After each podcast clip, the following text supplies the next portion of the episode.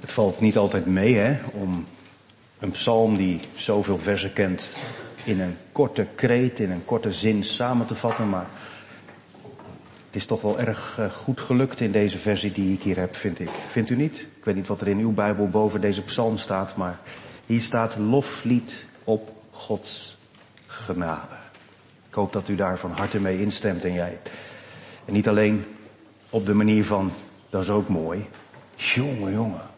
Wat had David een geloof. Maar dat je beseft, heren, ik krijg taal aangereikt, die ik misschien zelf soms moeilijk kan vinden. Taal vanuit uw woord die ik herken. Het is één en al genade. Een psalm van David. Loof de Heere mijn ziel en al wat in mij is zijn heilige naam. Loof de Heere mijn ziel en vergeet niet één van zijn weldaden. Die al uw ongerechtigheid vergeeft. Die al uw ziekten geneest die uw leven verlost van het verderf, die u kroont met goede tierenheid en barmhartigheid, die uw mond verzadigt met het goede en uw jeugd vernieuwt als die van een arend.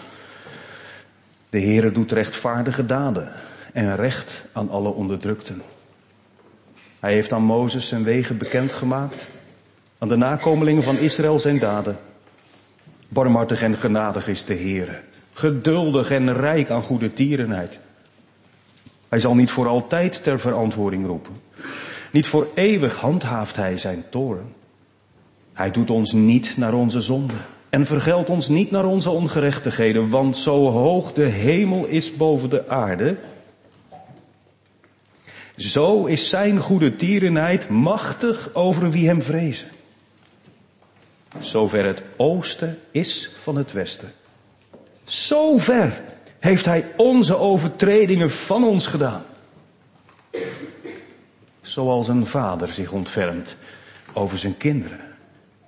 Zo ontfermt de Heere zich over wie hem vrezen. Want hij weet wat voor maaksel wij zijn en blijft bedenken dat we stof zijn. De sterveling, zijn dagen zijn als het gras, als een bloem op het veld. Zo bloeit hij. Wanneer de winter over is gegaan, is hij er niet meer en zijn plaats kent hem niet meer. Maar de goede tierenheid van de Heere is van eeuwigheid en tot eeuwigheid over wie hem vrezen. Zijn gerechtigheid is voor de kinderen van hun kinderen. Voor wie zijn verbond in acht nemen en aan zijn bevelen denken om ze te doen. De Heer heeft zijn troon in de hemel gevestigd. En zijn koninkrijk heerst over alles.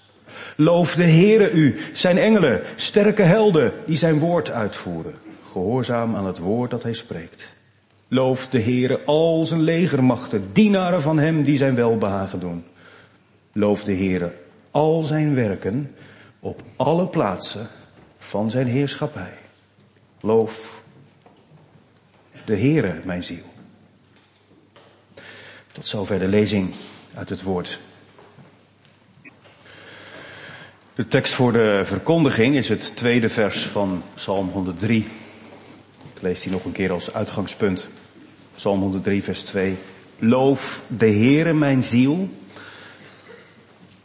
en vergeet niet één van zijn weldaden. Kort en goed is het thema Loof de Heere mijn ziel. Jongens en meisjes, laat ik met jullie beginnen. Weten jullie wat het kortste woordje is in onze Nederlandse taal? Even over nadenken. Ik heb die vraag wel eens vaker aan kinderen gesteld en toen klonk het al heel snel. Ik! Nee, dat is wel een kort woord, maar het kan nog korter. U. Ja, volgens mij had iemand het daar goed. U. Dat is een heel mooi woord om uit te leggen waar het in deze psalm over gaat. Een heel kort woordje, één letter. Als je die letter schrijft, dan begin je bovenaan. Er is denk ik niemand die beneden begint als je een U schrijft. Hè? Je begint altijd boven en dan maak je zo naar beneden een lijntje en dan ga je de bocht om. En dan ga je weer omhoog begint bij God, uit God. Het komt van God naar beneden naar ons toe. Het gaat door ons heen. En als je in de Heer gelooft en je merkt dat God daar is, dan gaat het ook weer omhoog naar Hem terug. Loof de Heere mijn ziel. Waarom zou David God loven? Omdat hij God heeft leren kennen. De God waarvan hij weet, die zorgt voor manna voor onderweg.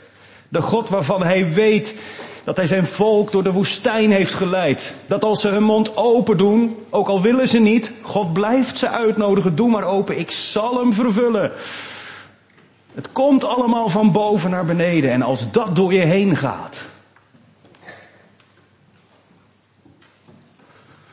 is het dan moeilijk om God te loven, te danken voor zijn genade, want dat is het toch. Dat God zich met ons, net zoals hij dat met Israël heeft gedaan, wil bemoeien. Schoon zwaar getergd zingt onze berijming. Toch geduldig en genadig. Hij heeft gedacht aan zijn genade. U, boven beginnen. Beneden komt de bocht en dan gaat het weer terug omhoog. Tenminste, zo schrijf ik de U, want ik schrijf niet aan elkaar. Er zijn ook kinderen die zeggen, ja maar wacht even, als je dan boven bent, dan ga je ook weer naar beneden. Vooral als je aan elkaar schrijft, want dan moet je onderaan weer een krulletje maken naar, naar, zullen we de W eens bedenken? Uw. Eens. Loof de Heere mijn ziel en vergeet niet één van zijn weldaden. Loof de Heere mijn ziel, u, maar ook die al uw ongerechtigheid vergeeft. Het gaat over mij, over de vergeving van mijn zonde. Die al uw ziekte geneest. God wil ook in mijn leven, daar waar ik littekens heb en ziek ben en beschadigd ben, wil Hij zijn heling geven.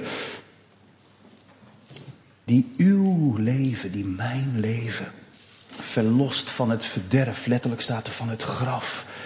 De dood heeft voor degenen die geloven niet het laatste woord die u kroont met goede tierenheid, met trouw van zijn verbond en barmhartigheid, die met zijn hele hart een kroon wil zetten op je leven. Wat een hoge woorden, hè? Maar dat is wat er gebeurt. Als we zien dat het van boven komt en door ons heen gaat. En die hoge woorden, als ik me niet vergis, reserveren wij nog wel eens voor momenten dat we zeggen, ja, die zijn het mooist als ik daar zoveel bij voel. Maar het is niet altijd te plannen, hè, dat je gevoel 100% is als het dan ook nog net avondmaal is. Wat mogen wij dan leren van deze psalm? Ook als misschien dat gevoel er niet is. Maar het geloof wel, dat is het belangrijkste. Zonder geloof, wat heb je hier dan te zoeken? Hè? Gewoon letterlijk, in de meest letterlijke zin van het woord. Nou, ik leer van deze psalm allereerst dat dat woordje loven ons op een verkeerd spoor kan brengen. Dat dat alleen maar zou betekenen heel hard zingen tegen alles in. je ziel is er soms helemaal niet bij betrokken en zo, maar we zingen dan maar. Ik moest denken aan die ontmoeting die ik had met Chaim Eisen, een rabbijn, toen ik in Jeruzalem was in het Grand Court Hotel. We zaten op hem te wachten. Nou, onmiskenbaar. Wie hem, uh, wie hem eens heeft gezien, die weet, als je hem één keer hebt gezien, dan zie je de minnow tussen al die mensen niet meer over het hoofd. Een hele grote persoonlijkheid, een reizig postuur, keurig in pak. En dan kwam die aangebeend. En hij schoof bij ons aan tafel. Wij zaten al aan de koffie, een paar collega's. En hij bestelde een glas water. Nou, dat werd gebracht en het werd voor hem neergezet. En toen zei hij, Baruch ata Adonai Elohinu melek haolam. Hij zei het beter dan ik het nu kan, op zijn Hebreeuws. Wat betekent dat? Voordat hij dat glas water nam, zei hij over dat glas water tot God, gezegend bent u, Heere onze God, koning van het heelal. Hij zegende God voor een glas water. toen we even daarna door Jeruzalem liepen, stonden we op een pleintje stil. En zei hij, Loek, Loek, kijk. En hij wees naar een tekst uit Zacharia 8, waar staat, de pleinen van deze stad zullen vol worden met jongens en meisjes die spelen op haar pleinen. En van die tekst op de wand van de muur wees hij naar al die jongens en meisjes die daar aan het spelen waren met een bal. Hij zei, gezegend is de Heere. Hij doet wat hij zegt. Hier in Jeruzalem. Kijk, dit is in vervulling gegaan. En er komt nog veel meer aan. Dus voor een gewoon glas water en voor de grote daden van God. Zegende hij de Heer. Dat is veel meer dan een psalm of een lied zingen. Dat is bij alles wat je overkomt en wat je van God krijgt. God groot maken. Zo mag je dat ook vertalen. In het Hebreeuwse woord berga zit, zit de wortel van, van zelf klein worden, knielen. Is dat niet bij uitstek gemeente wat ons vanmorgen te doen staat. Heren, dat hele gewone stukje brood. En die overbekende zoete rode wijn. Een paar stoelen, chique zetels zijn het niet. Gewoon een paar kantoortafels. En een kleed met hier en daar natuurlijk wel de mooie symboliek. U moet daar nog maar eens naar kijken. Het eeuwenoude woord in een hertaling gewoon mensen van vlees en bloed. We doen het al jaren zo. Maar vanmorgen mag u aan tafel zeggen in uw hart. Gezegend bent u, Heere, koning van het heelal, dat u aan mij hebt gedacht. Loof de Heere mijn ziel en vergeet niet één van zijn weldaden. Hoort u dat? Ik zei, soms krijg je je gevoel en je emoties niet altijd op het juiste pijl. Soms zijn er gebeurtenissen in de afgelopen maanden geweest waardoor je misschien wel in de war bent geraakt. Maar voor wie gelooft, is herinnering een vorm van dankbaarheid. Heren, wat bent u goed voor mij geweest. Ik herken daar iets van, wat David zegt al mijn ongerechtigheden. Dat Hebreeuwse woord, dat betekent die gezindheid van binnen, die ik wel de kop in heb leren drukken en die door uw genade ook echt veranderd is, maar die tegelijkertijd me soms toch weer op zo'n krom pad brengt, bij het doel van u met mijn leven vandaan. U hebt dat vergeven, u houdt mij voor rechtvaardig. Weet u nog, Jezus die hier straks gaat nodigen, dank hem ervoor, voor die weldaad, dat hij altijd leeft om voor je te pleiten. God is niet meer tegen degene die geloven, die van genade leven. De wereld in je eigen hart kan je dat soms wijsmaken. Jij? Weet je wat je dan moet zeggen? U. Ik heb vanmorgen geleerd u. Het is alles uit u, door u, tot u. Loof de Heere mijn ziel. Niemand van de mensen wordt in deze psalm opgeroepen om mee te doen. Wel de engelen, de hemelse legermachten en al Gods werken. Nou, die hebben een heel klein zetje nodig hoor. Want dat zit gewoon in de aard van Gods werken. Dat ze jubelen van zijn trouw. Het zit in de aard van Gods engelen. Dat ze hem groot maken. Maar wat er bij ons van nature niet in zit. En waardoor je misschien ook helemaal van nature geen zin hebt om mee te doen. En alleen maar denkt, ach, dan gaan we weer lange dienst. Dat je je verwondert over degene die blijven zitten. En dat je je verwondert over jezelf die zegt, mijn ziel, wat buig je neer in mij? Hoop op God. Niet vergeten zijn allergrootste weldaad. Dat is de climax en ook tegelijkertijd het slot van de preek. De climax van heel de Bijbel. God die begon met Israël. Kwam in Bethlehem met de redder. Zaligmaker. En hij is Gods grootste gave. In het Nieuwe Testament wordt dan het woord Eucharistie gebruikt.